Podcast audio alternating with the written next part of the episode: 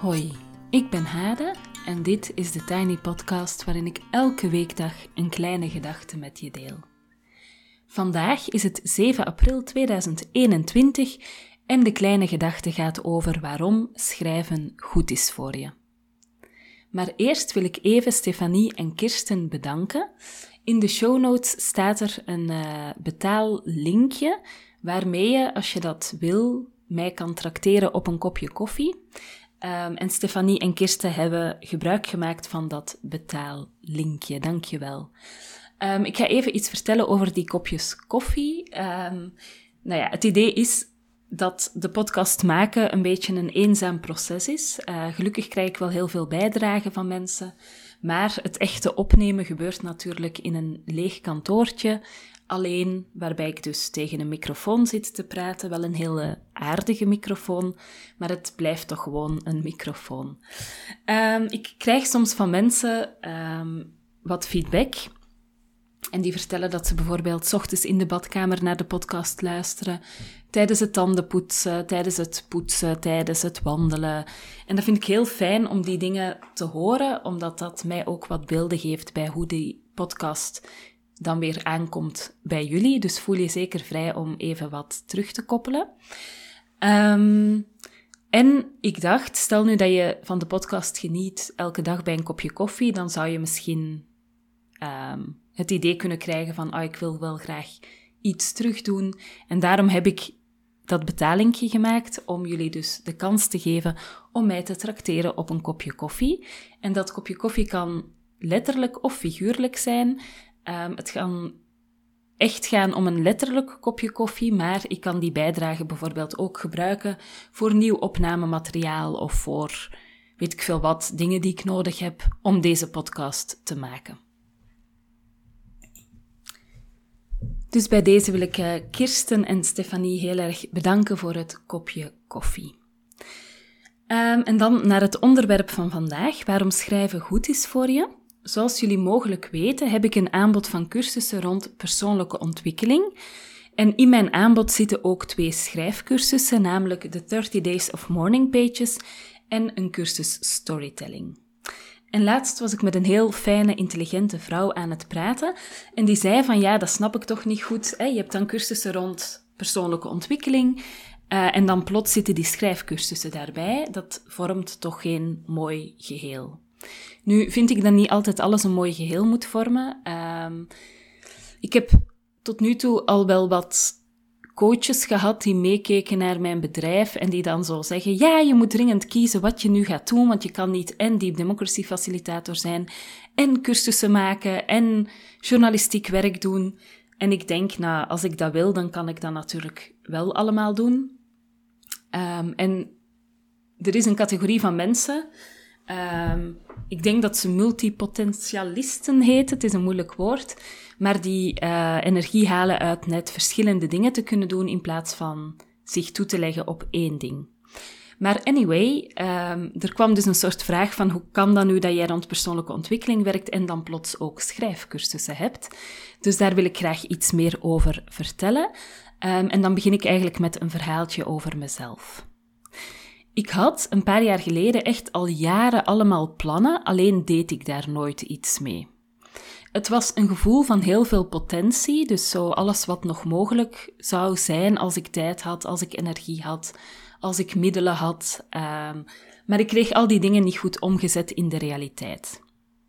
En natuurlijk leent het spitsuur van het leven, met jonge kinderen en een baan, zich er niet altijd toe om allerlei wilde plannen te gaan realiseren. Er moest gewoon gewerkt worden en voor de kinderen gezorgd en daarna was de energie meestal wel op. na de geboorte van de tweeling was ik mezelf echt even kwijtgeraakt tussen het zogen en zorgen. Mijn hele dag stond in teken van zorgen, mijn hele nacht stond in het teken van zogen of borstvoeding geven. En de dagen werden ook wat gedicteerd door het startuur en het einduur van de school. Um, als ik daarop terugkijk, was dat zo'n heel ja, beperkte periode. Dat was eigenlijk een soort lockdown voor mij. Van heel de dag met die baby's thuis en dan twee keer per dag erop uit. Dat was ook altijd een hele onderneming om dan uh, van en naar school te gaan. Ehm, ik was vaak al blij als ik vijf minuten op een dag gedoucht had en als ik geluncht had. Dan was de dag echt een succes. Um, ja, en eerst ja, gebeurde dat zeg maar gewoon. Dan was dat gewoon de realiteit. En daarna begon ik ook wel wat manieren te zoeken om wat een bevredigender gevoel aan de dag over te houden. En zo experimenteerde ik met uh, lijstjes van dingen die ik elke dag wou gedaan hebben. Zoals elke dag een machine was uh, en elke dag, weet ik veel wat, uh, een kop soep gegeten. Dus uiteindelijk had ik van die kleine lijstjes om toch een beetje te tracken dat ik bepaalde dingen deed die ik toch wel graag wou doen, in plaats van dat ik in zo'n hele, ja, zo'n hele, ja, golf ondergedompeld was van het zorgen en het zogen. Nu ik dit vertel, denk ik, Hade, dat had je toch allemaal iets beter kunnen aanpakken en organiseren. Maar dit weekend waren de meisjes, die zijn nu 2,5, uh, eh, die waren ziek. En er werd heel veel gehuild en heel weinig geslapen. En toen wist ik weer exact hoe het was om je handen niet vrij te hebben en niet bepaald een hoofd te hebben waarmee je even aan het plannen en organiseren gaat om alles slimmer aan te pakken. En ook gisteren was ik echt teruggeworpen in die uh, fase van niet eens tijd te hebben voor een douche, omdat ze extreem hangerig, humeurig en huilerig waren en ik letterlijk uren met een krijsende Janne op schoot heb gezeten die zich niet lekker voelde en ook nog woest was. Anyway, um, ik kwam bij een boekenwinkel en daar heb ik het boek The Artist 2 uh, meegenomen. Dus nu heb ik het weer over die kraamperiode en het eerste halfjaar na de geboorte van de tweeling. Iemand had me daar ooit over verteld. En ik was toevallig in die boekhandel voor een cadeautje, denk ik. Ik zag het boek staan en ik dacht er verder niet over na. Er ging zo'n soort lampje aan in mijn hoofd en ik nam het boek mee. En dat is heel grappig hoe levensveranderend zo'n kleine momenten kunnen zijn. Uh, thuis ging ik in het boek of met het boek aan de slag. En het boek leende zich ook heel goed voor die periode, omdat het bestaat uit twaalf hoofdstukken. Dus het is geen boek dat je meteen helemaal moet lezen. Je kan het echt gedoseerd doen. En er zitten allerlei uh, tools in. Maar een van de tools is het schrijven van morning pages. Um, en de geluiden die je hoort zijn uh, van ik die het boek erbij neemt. Want ik ga even iets voorlezen uit The Artist 2 van Julia Cameron. Wat zijn ochtendpagina's? Eenvoudig gezegd zijn ochtendpagina's drie pagina's schrijven wat in je opkomt. Hemel, weer een ochtend, ik heb niets te zeggen. Ik moet de gordijnen wassen. Heb ik mijn was gisteren teruggekregen? Bla bla bla. Je zou ze ook smadelijker brain drain, hersenafwatering kunnen noemen, want dat is precies een van de belangrijkste functies die ze hebben. Je kunt de ochtendpagina's niet fout doen. Deze dagelijkse ochtendkronkels zijn niet als kunst bedoeld, of zelfs maar als schrijven. Ik benadruk dit punt met klem om de niet-schrijvers die met dit boek werken gerust te stellen. Dat schrijven is niet meer dan een instrument. De pagina's zijn gewoon het resultaat van de hand die over het papier beweegt om op te schrijven wat er ook maar in de geest opkomt. Niets is te onbeduidend, te gek, te stom of te raar om neer te schrijven. De ochtendpagina's hoeven niet mooi te klinken, al kunnen ze dat wel eens doen. Maar meestal doen ze dat niet en de enige die dat hoeft te weten ben jijzelf. Niemand anders dan jij mag die ochtendpagina's lezen. En eigenlijk zou je ze zelf de eerste acht weken of zo niet moeten lezen. Schrijf gewoon drie pagina's en stop ze in een envelop. Of schrijf drie pagina's en stop ze in een multomap zonder de eerste tijd terug te bladeren. Schrijf gewoon drie pagina's. En schrijf er de volgende dag weer drie.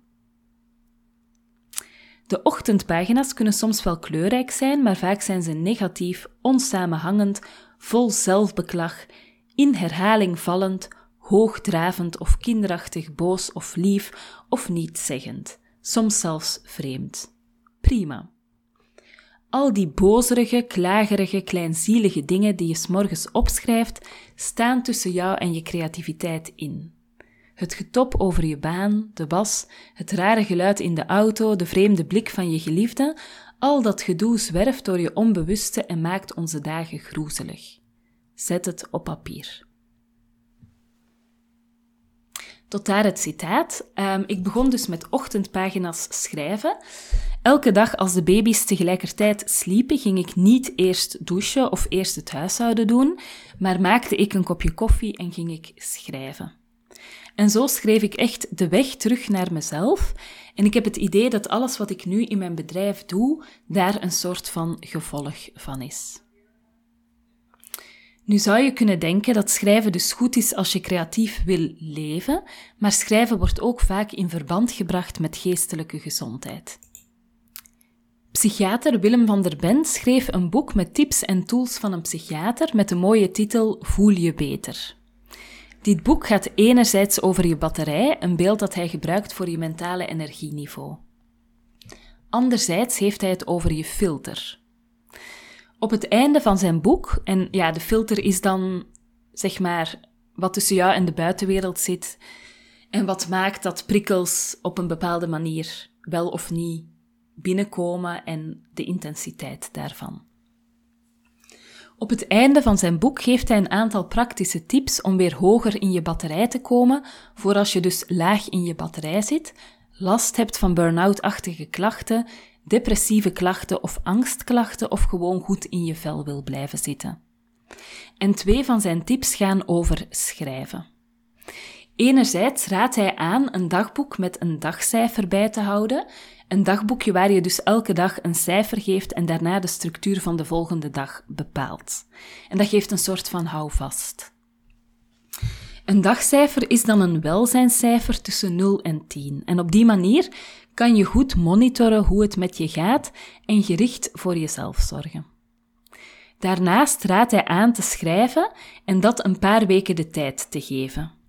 Hij raadt aan wat in je hoofd zit op papier te zetten zonder er rekening mee te houden dat het iets zinnigs moet zijn. Dus een beetje zoals de morning pages. En hij zegt van als dat niet lukt, is een andere optie je leven scannen door te schrijven wat bij je opkomt als je denkt aan je lichamelijke gezondheid, geestelijke gezondheid, al dan niet gelukkig zijn, relaties, sociaal, familie, wonen, werk, financiën, persoonlijke groei. Wat wekken deze onderwerpen bij je op aan gevoelens of ideeën? Word je boos, blij, bang, bedroefd, voel je je schuldig en wat kan je daaraan doen?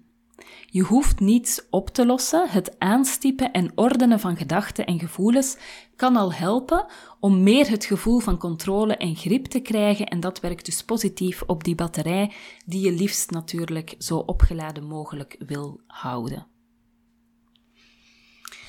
Conclusie: het dagelijks intuïtief schrijven is dus een goede tool om jezelf te ontwikkelen, uh, om goed te voelen hoe het met jezelf gaat, um, om ja, wat er bij je leeft, om dat in beeld te krijgen en om daar wat mee te doen.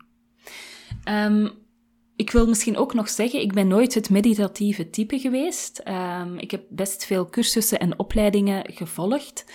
En elke keer als er in het begin van zo'n opleiding uh, wordt gezegd van oké, sluit je ogen, we gaan nu mediteren, dan word ik super onrustig. Um, ik heb wel een theorie waarom ik niet goed um, tegen dat soort meditatie kan, of waarom dat dan niet echt iets voor mij is. Um, ik merk trouwens dat yoga bijvoorbeeld wel voor mij heel goed werkt om rustig te worden en in mijn lijf te komen. Dus ik wil daar, ja, waarom dat ik dit vertel, voor mij werkt schrijven denk ik zoals meditatie voor een aantal andere mensen. Een manier om eigenlijk uh, je gedachten even voorbij te laten komen, uh, zonder er echt heel erg rekening mee te houden of daar heel veel belang aan te hechten. En een manier om dingen bijna op te ruimen om dan vervolgens rustiger verder te kunnen gaan. Volgende week ga ik dieper in op de redenen waarom um, het fijn is om waar gebeurde verhalen uit je leven te schrijven. Dus ik heb ook een cursus storytelling. En die zit ook niet zomaar in mijn aanbod. Um, die gaat ook niet over het schrijven van verzonnen verhalen, maar over het schrijven van waar gebeurde verhalen uit jouw leven. En dat heeft natuurlijk ook een link met welbevinden en persoonlijke ontwikkeling. En daar vertel ik graag volgende week meer over. Voor nu, Als jij graag een keer wil ervaren wat schrijven met jou doet, kan ik je van harte uitnodigen um, op het gratis of de gratis workshop Intuïtief Schrijven op 17 mei van 20 tot 22 uur. Ik vertel je dan meer over waarom schrijven goed voor je is en we gaan met elkaar ook een aantal schrijfoefeningen doen. In juni start de cursus 30 Days of Morning Pages weer en ik zet deze net als die gratis workshop even in de show notes, zodat je kan bekijken of het iets voor jou is om daaraan deel te nemen. Als jij toe bent aan wat tijd voor jezelf, ben je van harte welkom in de week van 3 tot 9 mei om mee te doen aan de hashtag 420 minuten voor mij in mei. En dat is eigenlijk een gratis weekprogramma om elke dag een uurtje tijd voor jezelf te nemen. Op 9 mei, dat is de laatste dag van die week, is er ook een festival van 20 tot 22 uur. Voor 12,5 euro koop je een ticket en we starten die avond samen. Even verbinding maken met elkaar en onszelf. En daarna kies je uit een van de vier workshops: zingen, zelfzorg, anders kijken naar deze tijd of uh, je hormonen rokken. En we sluiten af met een kippenvelwaardig concert van Anne Ermens. Ik hoop heel erg dat je uh, erbij bent op 9 mei s'avonds, want het lijkt mij super fijn om dat met zoveel mogelijk mensen samen te beleven. Tot zover voor vandaag. Je kan me volgen op Instagram, TheTinyPodcast. Als je je abonneert via bijvoorbeeld Google of Apple Podcast in Spotify of in je favoriete podcast-app, krijg je telkens de nieuwste aflevering in je overzicht. En dat is dus elke weekdag. En als je deze podcast doorstuurt naar iemand die er ook graag naar luistert of hem deelt op social media, dan help je de podcast groeien. Ik wens je een hele fijne dag en heel veel goeds en heel graag tot morgen.